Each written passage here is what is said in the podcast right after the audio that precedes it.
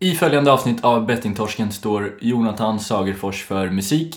Producerar gör Daniel Svärd och Joakim Frey.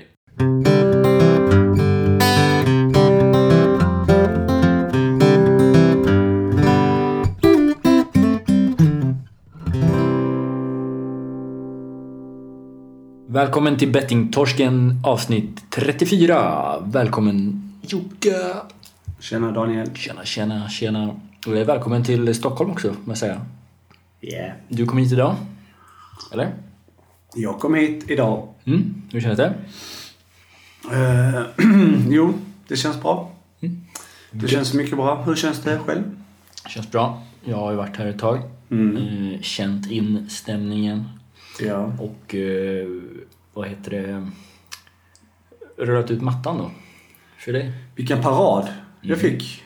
Mm. Välkomnande med trummor och karneval och elefanter och allt.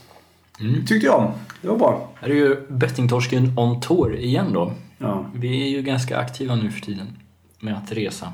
Mm. Vi har blivit några riktiga resenärer. Ja. Hur står det till med eh, eh, spel, eh, spelandet för dig? Eh, Hur det ser ut, alltså...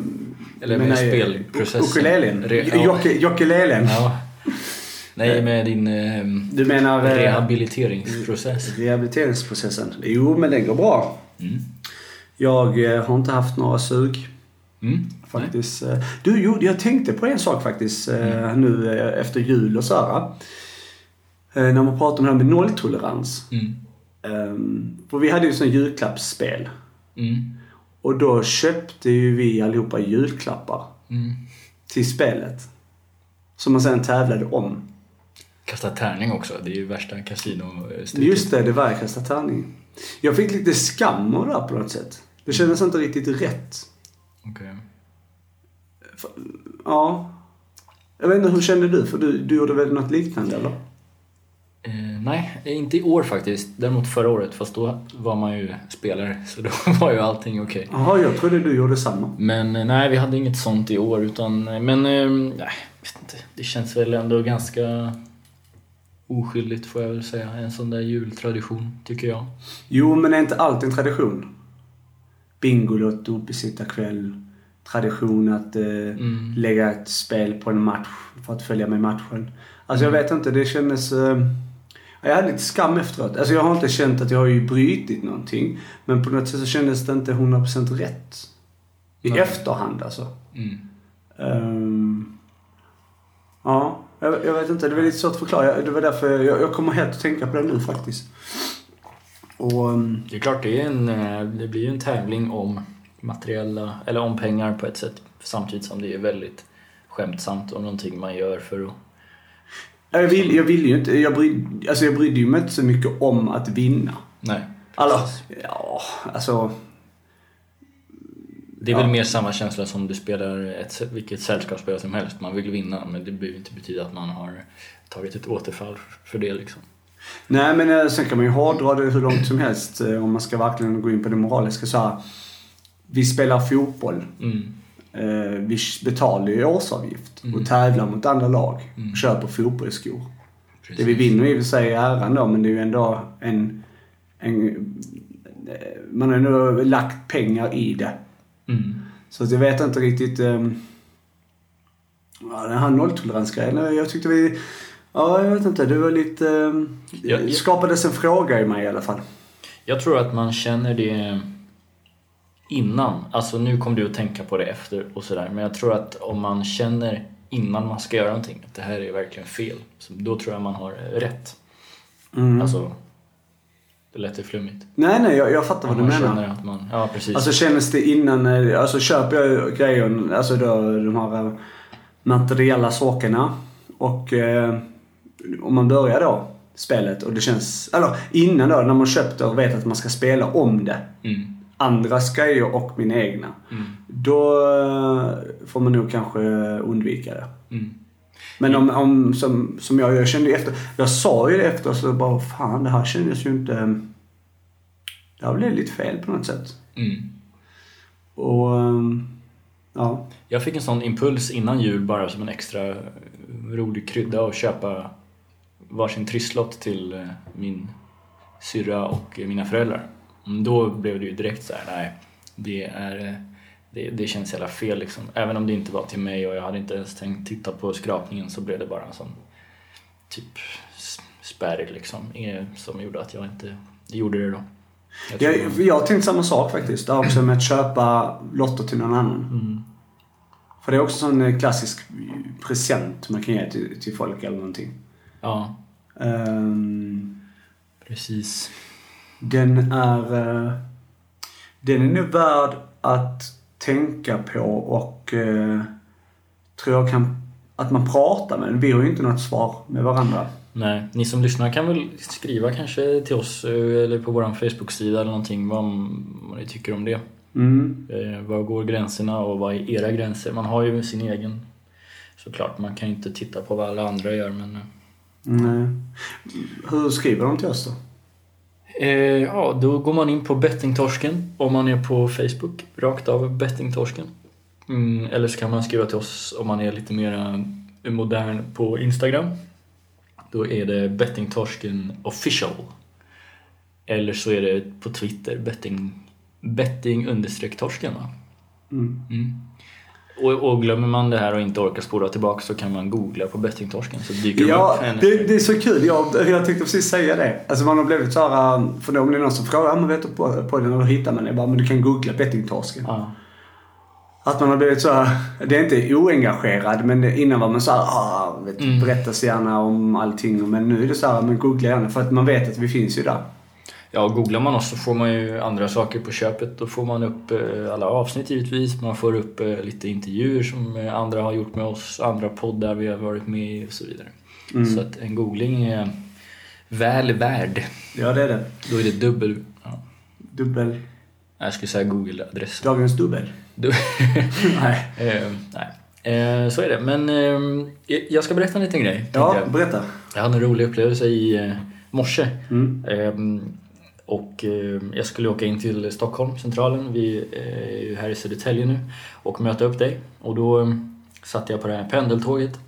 Eh, och det var lite speciellt för det var bredvid mig. Nej, först så hörde jag en eh, kvinna lite längre bak, bara kanske 6-7 meter bakom mig som stod upp i gången där. Och hon stönade, alltså hon... Eh, ja men du vet som eh, man kan lätt associera till en eh, sexuell aktivitet liksom. Mm. Ett sånt stön. Okej. Lite som... Eh, Lite främmande helt enkelt. lite Nej jag skojar. Nej, skitsamt. Ehm, ja men som... Ja men du vet tennisspelarna ibland kan låta sig stöna till. Ja, ja, ja. Så höll hon på liksom. Åh I- jävlar. ganska- Spelar hon tennis där i Nej, jag vet inte, men det var någonting hade hon för sig. Hon höll på ganska länge alltså, så här, och, och så tänkte jag så här, konstigt, ja, skit i det. Men sen så satt jag bredvid en gubbe som... Som också stönar. Nej, ja, just det, han svarade på de där. Nej, han... eh, Så det jävla djungelvrål. De fick någon slags fin kontakt där.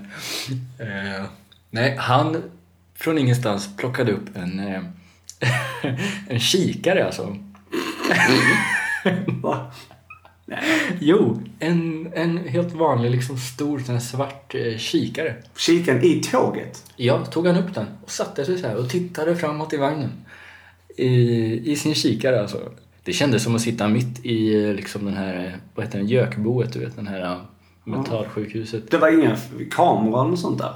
Så du var med om någon sån här blåsning? eller? Nej, det tror jag inte. I Nej. så fall så missade jag det helt. Men, eh, Du blev blåst? men det kändes så jävla konstigt att sitta bredvid någon som sitter och tittar med en kikare i ett tåg och så bara hör man samtidigt de här stönen bakom sig.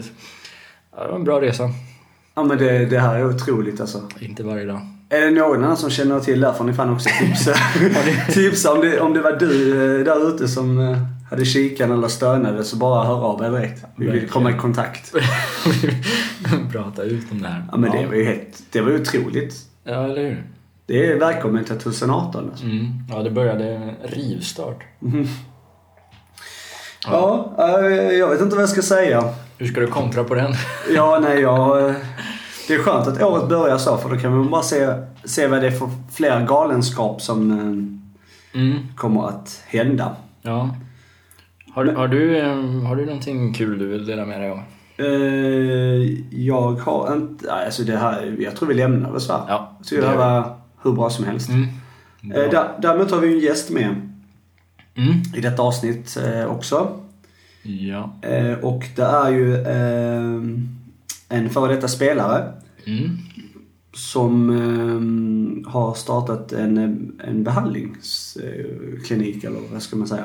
Eh, jo, det är det. Jajamän. Spelfriheten heter den. Och eh, är baserad i Stockholm då. Mm. Eh, och ja, Adam heter han. Ja, han heter alltså Adam Kirstein Reutersvärd. Snyggt. Mycket, mycket stiligt namn. Ja. Och ja, det är väl en... Mest ovanliga namnet. Ja, det är det. Ja. Eh, hä- Häftigt namn. Men en fantastisk kille alltså. Verkligen. Eh, Störtskön. Mm. Det är mitt, eh, min summering. Mm. han. Störtskön. Ja, Det är bra. Eh, Ska vi nöja oss där och eh, rulla in honom? absolut. Ja. Då är det alltså dags för Adam Kirstein Reutersvärd i Bettingtorsken.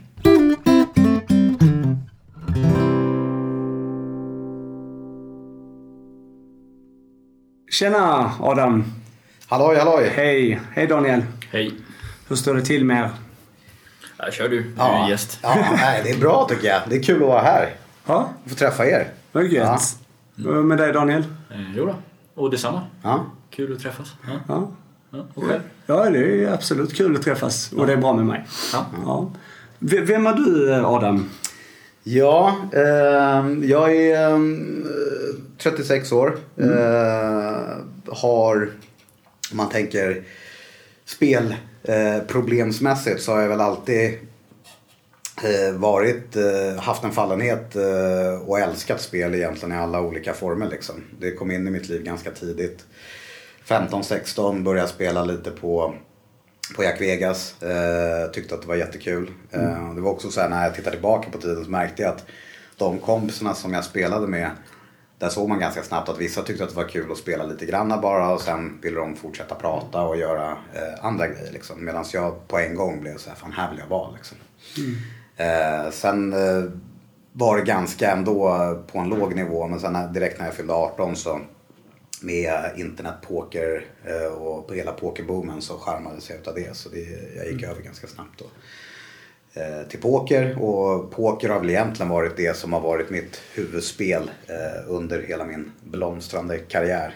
Om man kan säga så. Den är inte så blomstrande men eh, Ja, så har det sett ut. Och sen har det väl alltid varit sådär att jag har någonstans eh, alltid innerst inne kanske vetat egentligen att eh, spel inte är något bra för mig. Och att jag har också på ett sätt vetat att eh, ja, det, alltså jag blir helt uppslukad och stänger av eh, världen runt omkring. För det är det som är det viktigaste eh, när jag väl är i spelet. Liksom.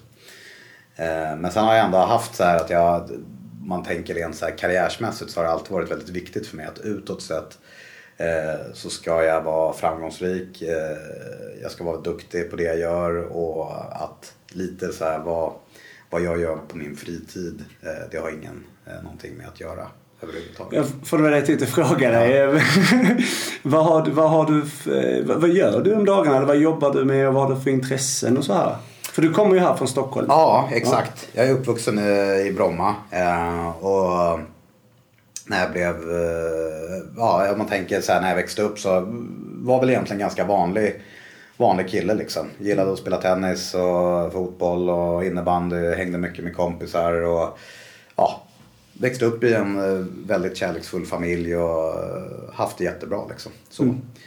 Eh, och sen så har jag väl också ja, men alltid tyckt att det har varit kul att vara bland folk och gillat att parta mycket och resa och alla sådana här grejer. Liksom. Men om man tittar på nu vad jag gör så är det ju eh, på grund utav ja, spelandets konsekvenser och sådär så sitter jag i en sån situation nu då jag har eh, fått börja om lite på ny kula. Jag är egentligen de sista tio åren så har jag jobbat väldigt mycket med eh, digital marknadsföring och Mm. jobbat som online-strateg i olika former. Både varit anställd eh, men sen eh, sista åren eh, drivit eget bolag och haft massa anställda. Och, ja, egentligen sett till så att företag tjänar mer pengar på, på sin digitala närvaro. Men eh, på grund av konsekvenser av spelandet så har jag fått börja om eh, och eh, i dagsläget så hyr jag ut mig eh, till företag eh, själv eh, och på en ganska liten nivå för att ett av mina stora nya projekt som jag brinner väldigt mycket för är någonting som heter då Spelfriheten som är en öppenvårdsbehandling för spelmissbrukare men som även också har en anhörighetsbehandling i sig. Eh, och som jag har haft möjlighet att få vara med på och vara med och forma från början tillsammans med, eh, med en väldigt duktig terapeut eh, som är expert egentligen på, på beroendeproblematik som heter Finn Stenvall. Och han gick jag även och eh, tog hjälp utav under eh, den här resan eh, för att kunna bli spelfri. Så att eh, han är väl egentligen den, en, en väldigt stor del i hur jag har lyckats bli spelfri. Och hans sätt att beröra eh, ja, men hur beroendet i sig utvecklar sig och hur just hjärnan blir kidnappad och hur man kan ta sig ur det och impulshantering och sådana här saker. Alla hans eh, teorier och hur han pratat med mig om det. Det var för första gången någonting som gick in på ett sätt som jag kände att fan det här äntligen, nu förstår jag vad det handlar om och nu kan jag börja använda det. Och i takt med ja, att han visste lite vad jag har gjort och, och sådär och eh, den här lagändringen eh, som nyligen har skett och börjat gälla. Eh, så började vi diskutera det. Just så här att fan, för jag sa rakt ut att jag har ju träffat hur många terapeuter som helst. Jag har gått i behandling och jag, det är liksom ingenting som har funkat. Eh, nu är det verkligen så att jag känner att det du trycker in i mitt huvud, det, är- det är för första gången någonting som verkligen funkar. Liksom. Och, jag skulle vilja göra någonting, alltså med min historia kunna hjälpa andra att kunna få upp hopp när de är på botten. Eh, och sen måste det ju självfallet finnas någon terapeutisk eh, värdegrund i en sån behandling för att det ska liksom fungera. Och då, då, då var det lite kul för då hade han tänkt i lite samma tankar. Eh, men han hade inte hittat eh, någon person som kunde komplettera honom på ett bra sätt. Eh, och så. Eh, och sen var han också väldigt alltså, väl medveten om att han har jobbat med beroendefrågor eh, i alla former i 35 år. Eh, så att han var också väldigt medveten om att varför finns det ingen behandling som är formad utav aktiva spelare och före detta spelare från början, alltså från A till Ö. Eh, De flesta behandlingarna då är det eh, olika professorer och beroendeterapeuter som tar fram någonting och sen så testkör man det och så gör man små förändringar i efterhand.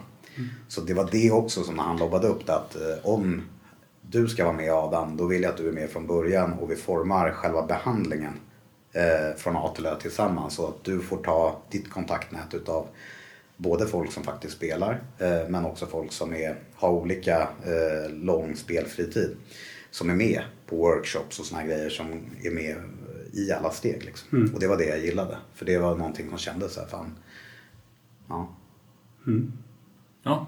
Eh, jag fastnade lite för det du sa här i början att eh, när du kom i kontakt med spel första gången att eh, dina eh, kompisar var kanske lite mera måttliga liksom, i sin, eh, sitt spelande och, och att du inte kunde, att du var lite mer obegränsad då liksom. Jag kan relatera mycket till den, till den känslan. Eh, vill, vill du beskriva lite mer de, de känslorna liksom, hur, eh, hur, hur tankarna går i, i sådana situationer? Nej men ta till exempel att jag har alltid varit en eh, person som kanske har varit lite sån här centralfigur i olika kompisgäng. Så att eh, många har ringt till mig och så vad händer ikväll? Ja men vi ses på det här stället och så gör vi det här och sen hittar vi på något kul. Och från att spelet kom in i mitt liv så blev det helt plötsligt så att jag kunde styra upp alla de här grejerna. Men sen så om man tar ett sånt exempel och utvecklar det att hade vi bestämt oss för att vi skulle träffas på kanske ett förfestställe i, i, i innerstan i Stockholm. Eh, så styrde jag upp det och alla kom dit. Men sen så såg jag alltid till att det finns eh, spelmaskiner, blackjack och sånt på det här stället. Och sen gled jag iväg ganska snabbt. Så eh, det är ett väldigt starkt minne, eh, alltså från att jag var 18, 19, 20. Att väldigt många, både killpolare och tjejkompisar som kunde komma in i de här avgränsade rummen och bara vad håller du på med liksom? Fan vi, vi träffas inte lika ofta längre och vi ska ju vara här och ha kul liksom. Varför står du här för? Ja men jag kommer snart, jag kommer snart. Så just sådana grejer, att jag blev verkligen uppslukad och oftast fick jag med mig Säg att vi satt tio pers och så kanske det var två som hängde på för de tyckte också att det var kul. Men deras, det här begreppet om kul, det kunde sluta efter att hundralappen var slut till exempel. Då var det inte kul längre. Utan då var det viktigare med att gå tillbaka och hänga med de andra. Medan för mig var det redan då så här att det här, jag kommer ju vinna tillbaka allting. Eh, Jag vill vara kvar här liksom. Och att jag nästan kunde känna att mina vänner kommer jag alltid ha kvar oavsett vad jag än gör. Eh, Det här kanske jag inte alltid får ha kvar. Alltså att det var verkligen sådär starkt redan då liksom. Har, hur, hur ser din, eh, alltså om man kollar din bakgrund inom spel, eller om man ska säga, har, har spel funnits med eh, liksom alltid? Eller sådär om man kollar på när du var yngre? Och, Ja, alltså. Jag skulle nog säga att jag, ja, på ett eller annat sätt så har jag alltid tyckt att det har varit väldigt kul. Alltså, jag tyckte att eh, det här med snabba ruscher och spänning och såna här saker, att jag har alltid tyckt att det har varit väldigt spännande. Och eh, jag tror, ja men eftersom jag har haft en väldigt trygg och kärleksfull uppväxt och eh, jag har inte liksom saknat någonting egentligen. Och liksom ja, men haft de kläderna jag vill och eh, vi har rest mycket och allt sånt där. Så det, det har nog inte handlat om egentligen att oh vad schysst att få så mycket pengar. Utan snarare mera spänningen till eh, ja, spänningsmomentet. Eh, sen självfallet eh, ju äldre man blev och man skulle börja tjäna sina egna pengar och, och sådär, då är det klart att det finns eh, med i beräkningen. Tänk om man skulle vinna en jättesumma liksom. Såklart. Men ja, nej, spel har alltid legat nära om hjärtat och jag har egentligen eh, alltid sett till att det har varit närvarande på något sätt liksom. Så, ja. När, när förstod du att du hade liksom ett problem med spel? Jag förstod det...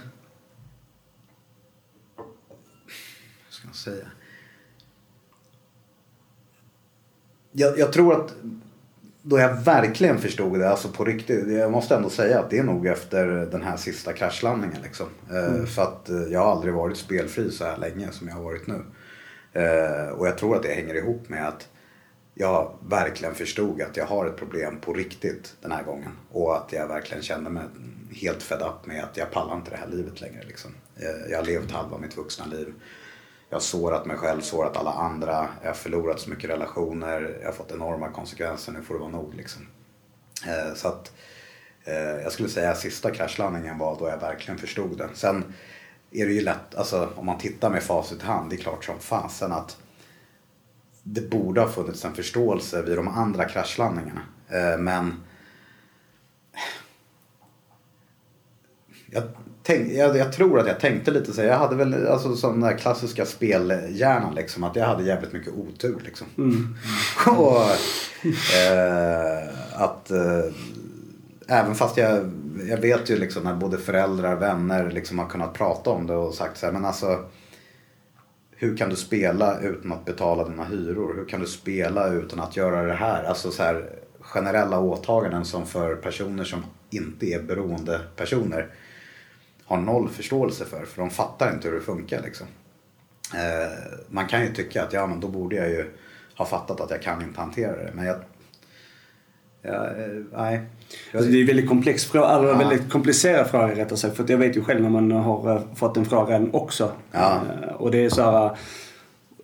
Man, man förstår ju den när man väl slutade, tänker man. Eller så här, när man var som nu då, för, för ett år sedan kanske ungefär. Men det är ju så här, sen börjar man reflektera över det. För min del i alla fall att eh, oavsett vad jag har haft för jobb eller vad, hur mycket pengar jag har tjänat så har jag aldrig kunnat spara pengar. Nej. För att pengarna har alltid försvunnit ändå. Och då har man ju problem med det. Alltså så här, Ja, ja. ehm, Och jag tror att eh, de gångerna när jag har varit i perioder då jag kanske av olika anledningar inte varit inne i en spelarperiod.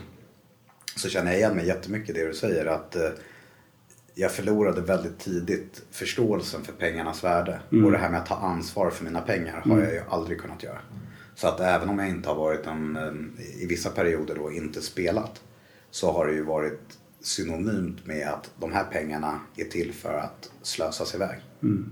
Och då om det har handlat om att jag köper kläder, att jag reser, att jag käkar ute på restauranger helt orimligt mycket. Eh, åker taxi, alltså lever över mina tillgångar för att jag fortfarande har kvar det här med att pengar kommer och går. Eh, lite det liksom. Så.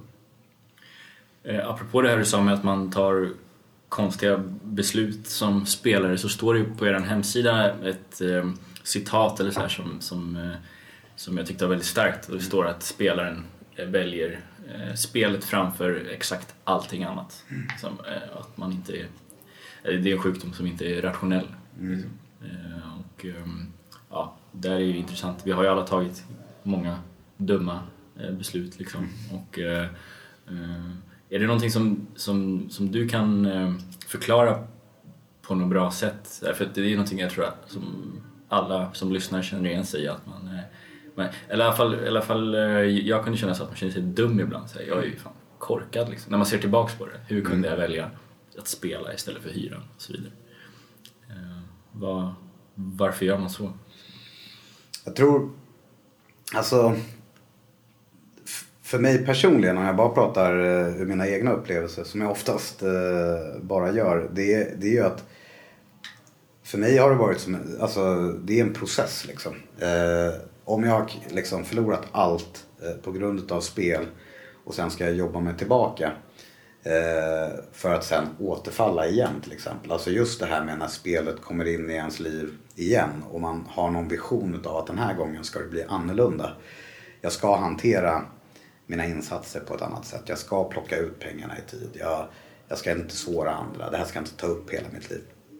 Det blir som en process som eh, det bara accelererar så jäkla snabbt. Och jag känner väldigt snabbt också att jag tappar total kontrollen över min vision på en gång.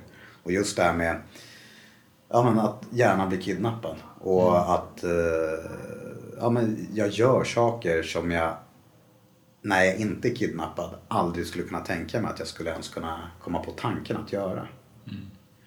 Och det är ju, tycker jag, essensen utav just det här speldjävulen och vara besatt liksom. Men just besattheten kring spel, att det blir, ja, att eh, jag är villig att göra allt för att kunna fortsätta spela. Och det är verkligen allt. Eh, och att man inte tänker rationellt överhuvudtaget liksom. Utan det, jag skrev faktiskt upp eh, en grej, jag ska ta upp det som jag tycker ändå är just som är kopplat till eh,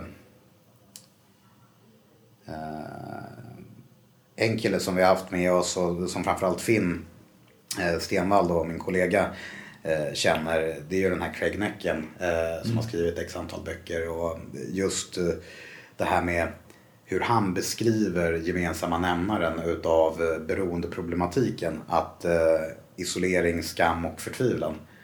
Eh, och den, när jag läste hans bok och också liksom så här, det gick in i mig på en gång för att det är verkligen så det har känts väldigt, väldigt snabbt liksom. Men sen kan man ju som en van, alltså man är en vanlig person utifrån, om man hamnar där, isolering, skam och förtvivlan, så kan man ju tycka att hjälp, hjälp, jag behöver hjälp, det här vill jag inte hålla på med. Men att just isoleringen blir så stark så att man väljer att kunna vara kvar i det där ändå. Och sen om det är att du är kvar i ett halvår, ett år, två år. Eh, det är också det som är så jävla läskigt med eh, beroendesjukdomen och spelmissbruket. Liksom. Att de här, varje kraschlandning jag har haft, det är klart att jag haft på känn att det här är inget bra. Liksom. Jag mår inget bra. Eh, jag vill inte vara här. Liksom. Men ändå så väljer jag ändå att vara kvar i det. Liksom.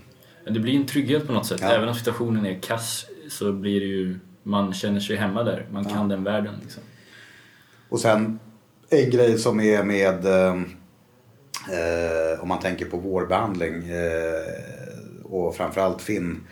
Eh, han kom ju in med, eh, han är gestaltterapeut i grunden och det hade inte jag testat så mycket själv i mina olika behandlingar. Men gestaltterapi arbetar eh, från fyra grundbegrepp och det är medvetenhet, ansvar, här och nu och kontakt.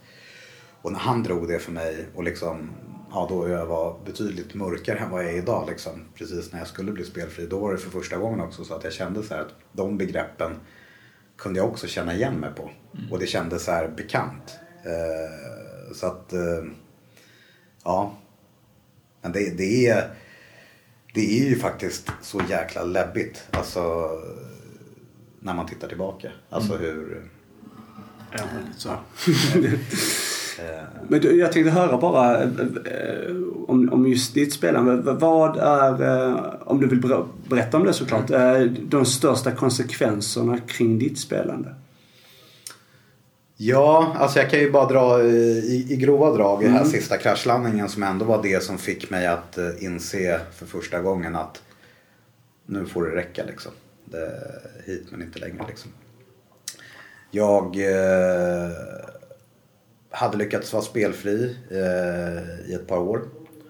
Jag eh, eh, drev ett företag eh, med ett gäng anställda tillsammans med, alltså hade delägare som var några vänner till mig.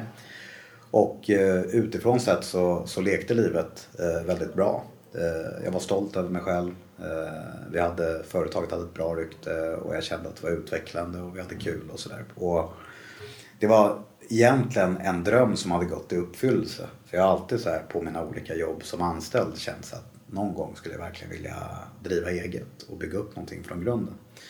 Så det var verkligen, ur det perspektivet eh, var det väldigt förknippat med lycka för mig. Men eh, eh sen eh, kan jag ju bara säga också, flika in det att jag har haft eh, eh, problem med, med alkohol och eh, till viss del droger, framförallt eh, gräs eh, som jag har använt eh, i olika perioder. Eh, och väldigt mycket har ju det handlat om också att jag vill fly.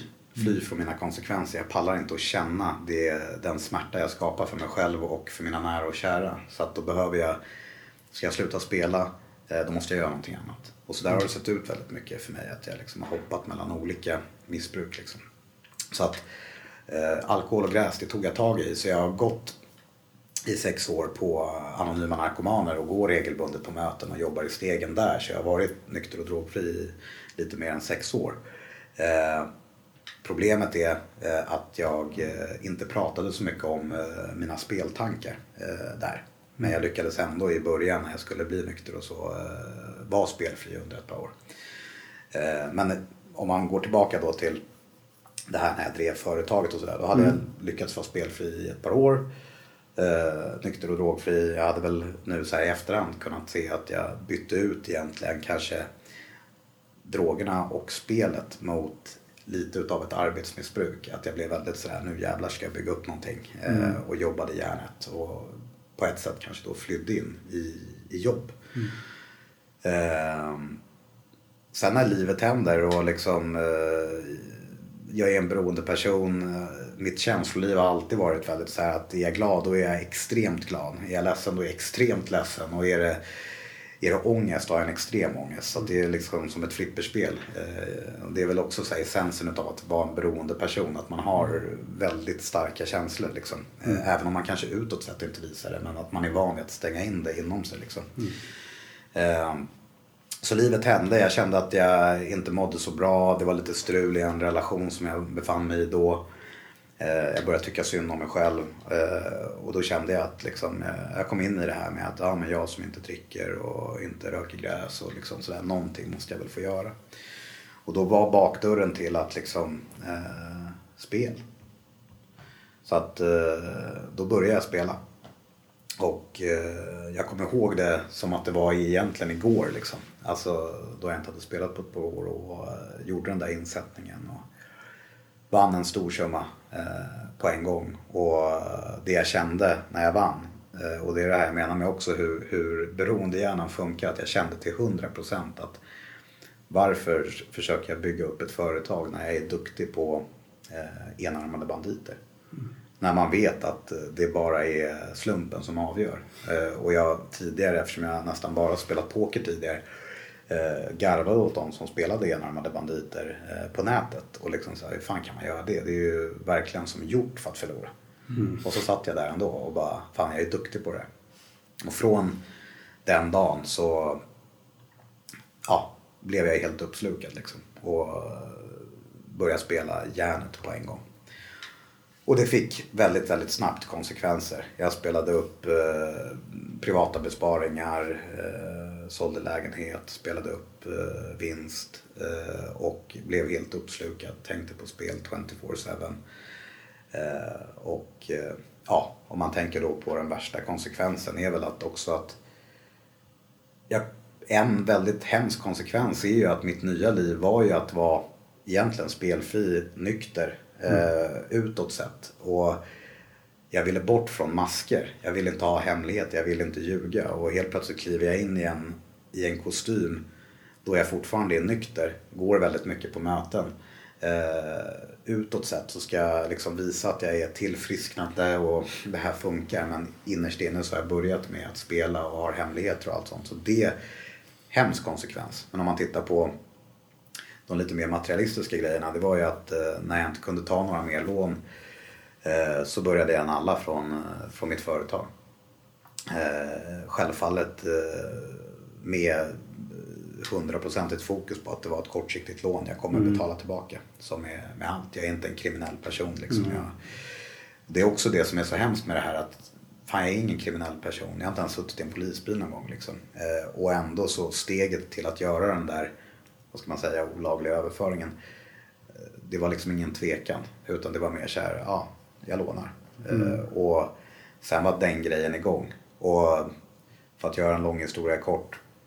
Eh, jag fortsatte med det väldigt länge och till slut så blev ångesten alldeles för stor. Så jag kände att jag, dels så kommer det här uppdagas eh, och eh, jag vill inte leva med, med det här liksom. Utan jag la korten på bordet för, för mina delägare och berättade vad jag hade gjort. Och eh, där och då så blev det ju hemska konsekvenser på en gång. Eh, Jag blev polisanmäld, eh, jag fick lämna in nycklar, jag fick berätta för anställda, jag fick boka in möten med kunder och berätta vad jag hade gjort. Jag fick åka hem till mina nära och kära och berätta att den här ytan utav att jag har mått jättebra, det stämmer inte riktigt. Utan det här är det jag har hållit på med sista tiden. Så att när jag satt, jag kommer ihåg det också, när jag satt där i lägenheten och kände så här, fan jag är, ja vad jag var då, 34 eh, år. Eh, eller 35, ja. Klockan ett på en vardag liksom. Eh, bolaget borta, eh, polisanmäld för första gången i mitt liv. Eh, och eh, upplevde verkligen den här grejen att jag hade en lösning och jag för första gången har inte använt lösningen. Eh, och jag har förlorat allt. Eh, då kände jag verkligen den där grejen med att jag vill inte leva längre.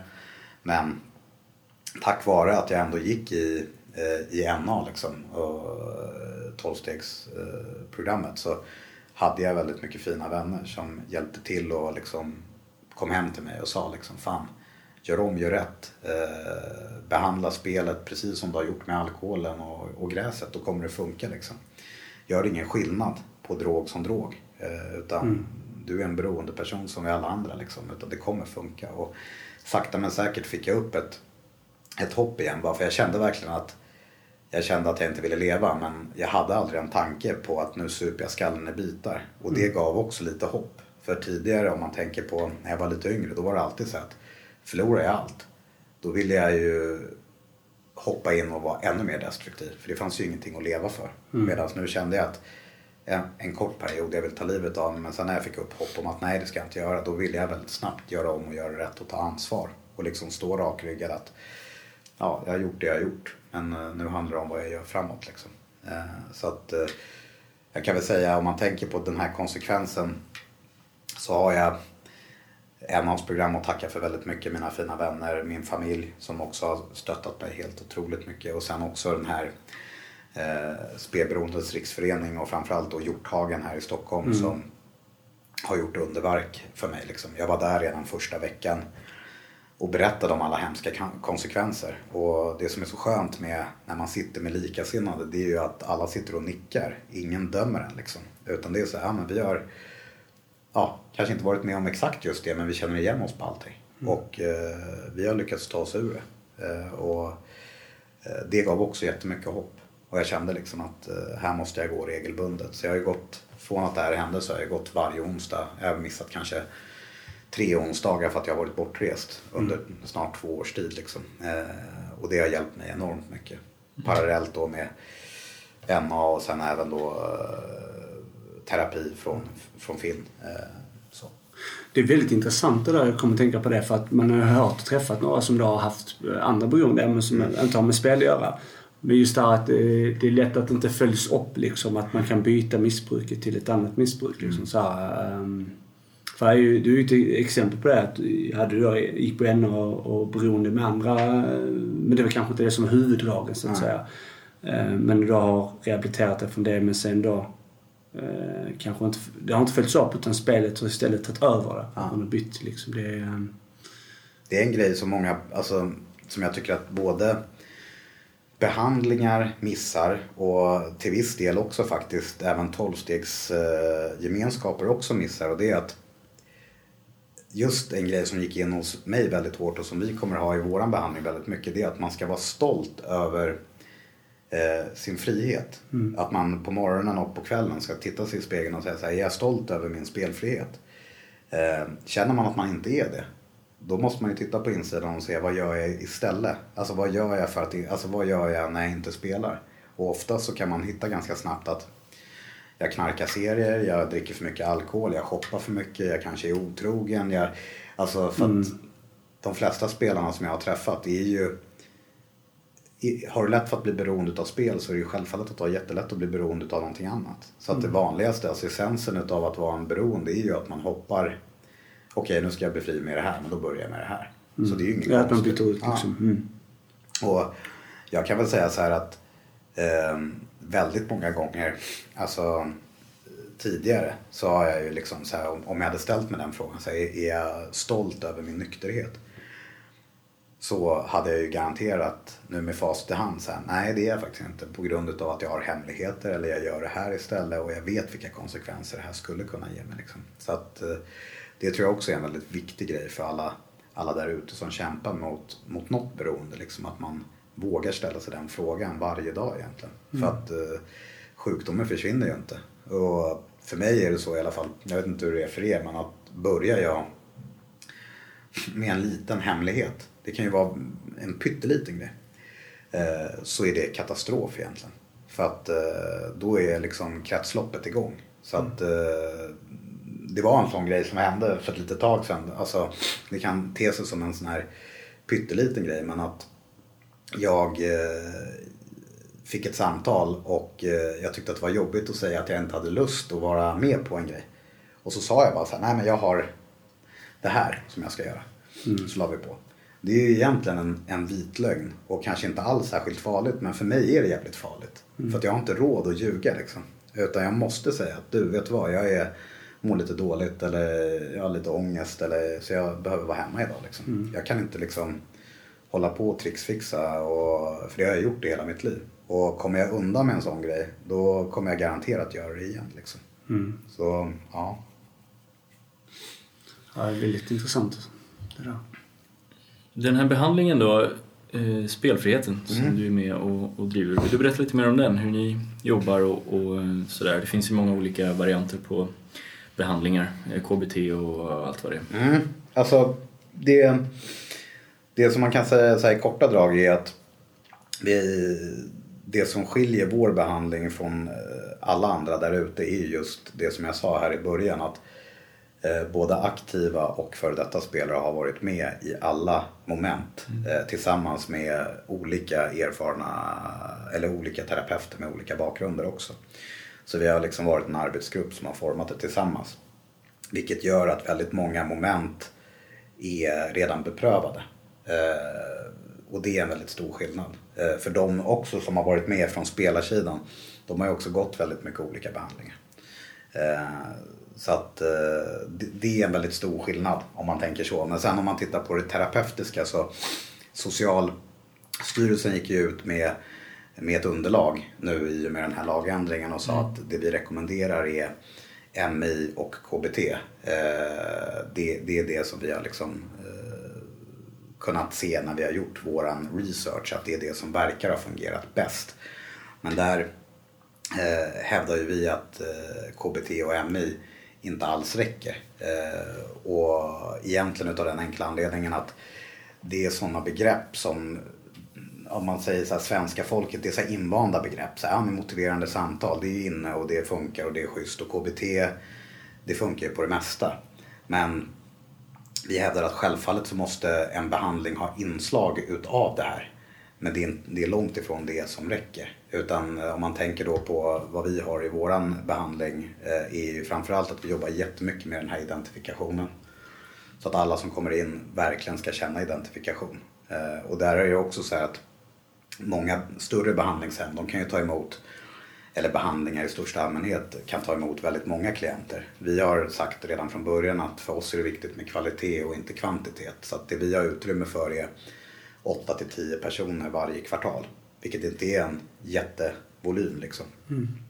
Och på det sättet så kommer vi också titta väldigt mycket på vilka är klienterna. För att kunna sätta ihop en sån samling eh, som, som någonstans kommer hitta identifikation i gruppen. Liksom. Eh, sen kommer vi jobba väldigt mycket med hopp eh, redan från början. Alltså personer som har lyckats hitta eh, sinnesro, balans, harmoni i livet. Så att de, de delarna kommer in väldigt tidigt. Eh, och inte bara ur spelarperspektivet utan även i anhörighetsperspektivet. Så att eh, eh som spelare så kommer man få träffa andra anhöriga som berättar om hur bra deras relationer är med sina före detta spelare idag. Mm. Så att de kan också se, så att man får hopp på alla ledder och bredder. Eh, många behandlingar har ju liksom att ja, men du kommer bli spelfri, du kommer bli skuldfri. Det är där hoppet ligger i. Medan mm. för mig och för många så tror jag att väldigt mycket utav hopp eh, som missas är ju det här med också, kommer jag någonsin kunna få tillbaka förtroendet hos alla mina nära och kära? Liksom. Mm. Och det vill vi liksom stoppa in från början, eh, tidigt.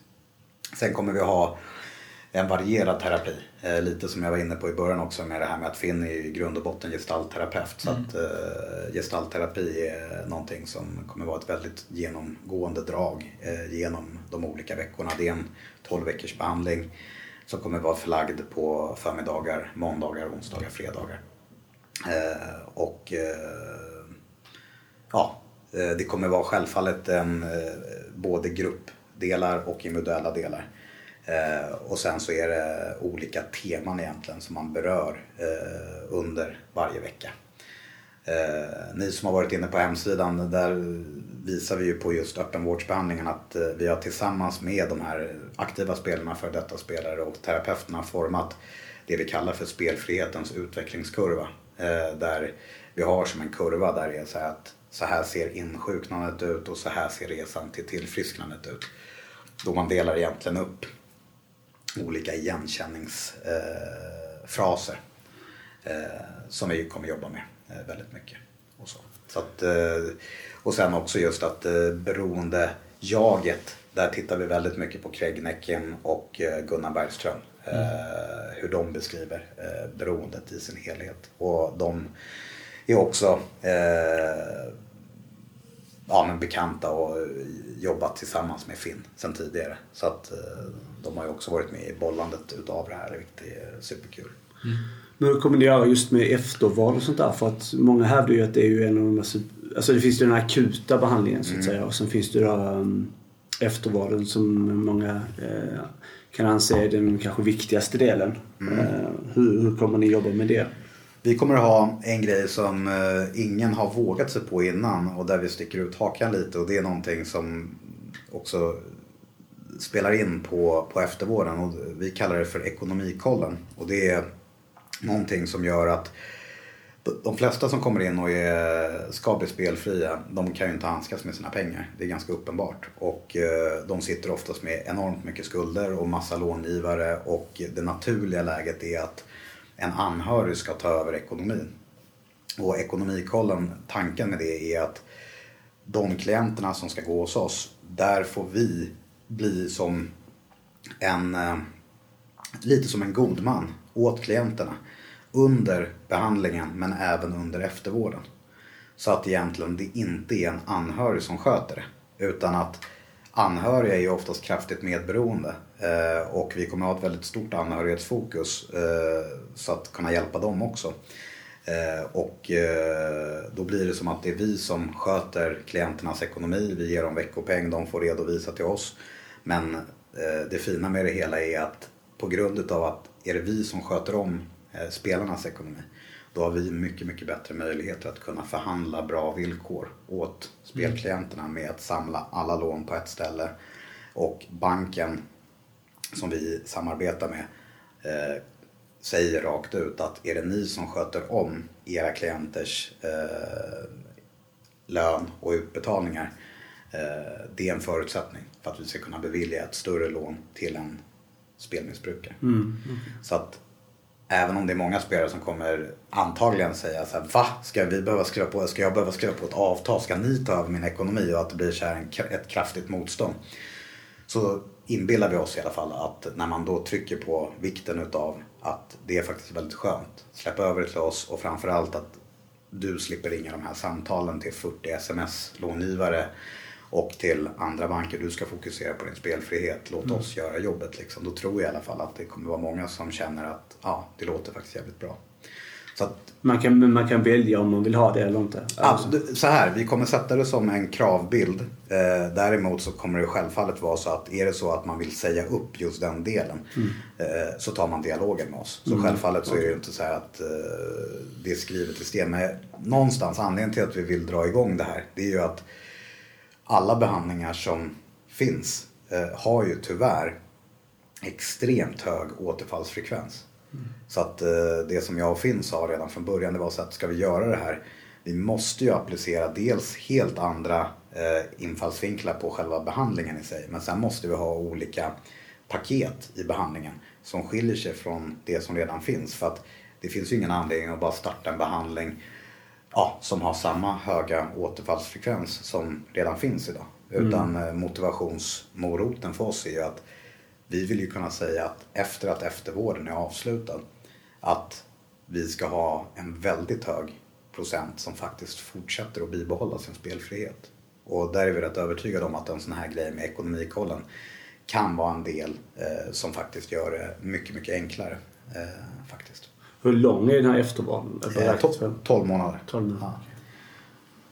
Ja, jag tycker det låter väldigt klokt det här med ekonomin och ja, ekonomikollen. Liksom. För att just som du säger, ha fokus på rätt saker. Att rehabilitera sig och inte börja, börja ringa massa samtal och förhandla med banker. Och liksom, för man har ju väldigt låg trovärdighet. I, i utgångspunkten är man ju nästan dömd. Liksom.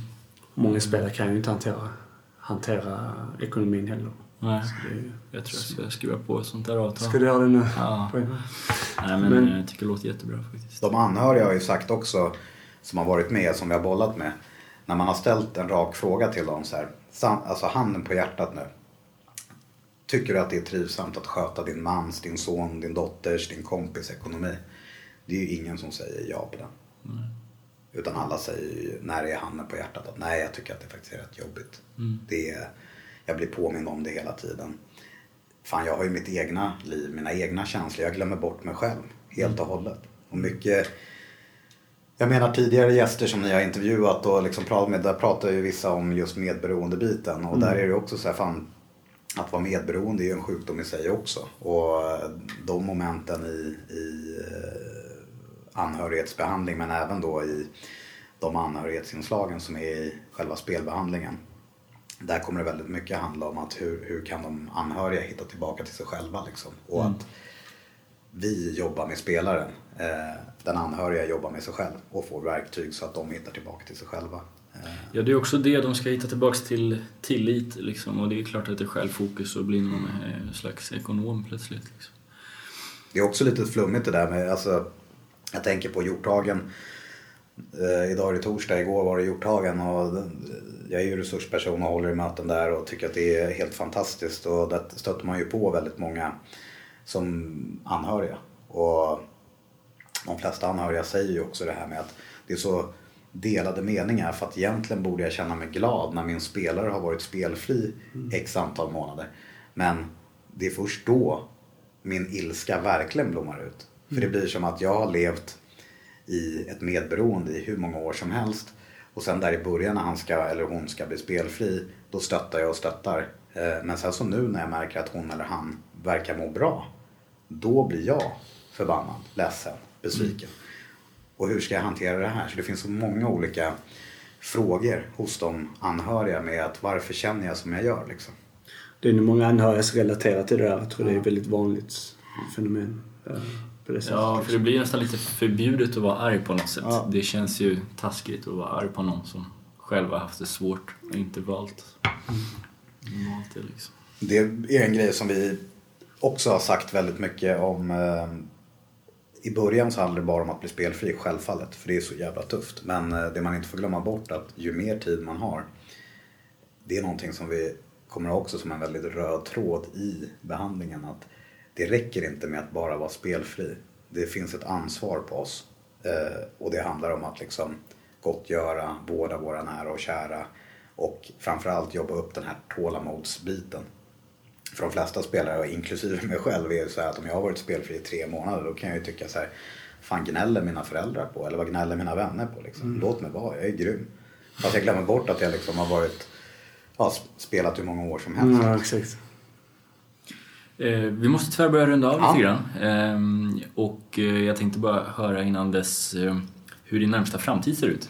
Om du har några roliga planer på gång. Ja, absolut. Det, det är lite blandat. Dels så eh, är det ju jättekul med den här lagändringen och att liksom det har börjat eh, från och med första i första. Och nu får vi se, nu är det ju lite röda dagar och sådär. Men från och med nästa vecka så är ju alla tillbaka igen. Och då ska det bli kul att se lite hur, hur kommunerna tar emot. Och liksom, vi har ju träffat en del kommuner och vi kommer träffa betydligt fler. Eh, vi kommer synas ganska mycket i, i tidningar och sådär. Eh, jag kommer berätta min story och liksom försöka inge lite hopp med den och framförallt också vad, vad som är unikt med spelfriheten. Liksom. Så att, eh, det är massa roliga grejer som händer. Och sen eh, fortsätta göra det som funkar och liksom eh, även fast jag lyckats vara spelfri i snart två år så vet jag ju själv att slutar jag göra det som funkar så kommer jag till 100% börja spela igen. Liksom.